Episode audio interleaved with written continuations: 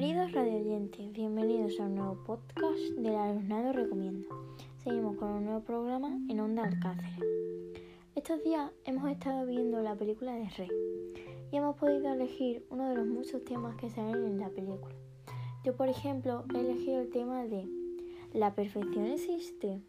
Todo depende de ti y de tu forma de pensar. Alcanzar la perfección es algo muy subjetivo. Yo creo que las cosas siempre pueden mejorarse aunque sinceramente no todo el mundo ve, por ejemplo, perfecta o perfecto, a la misma persona. Por eso depende de lo que tú consideres perfecto.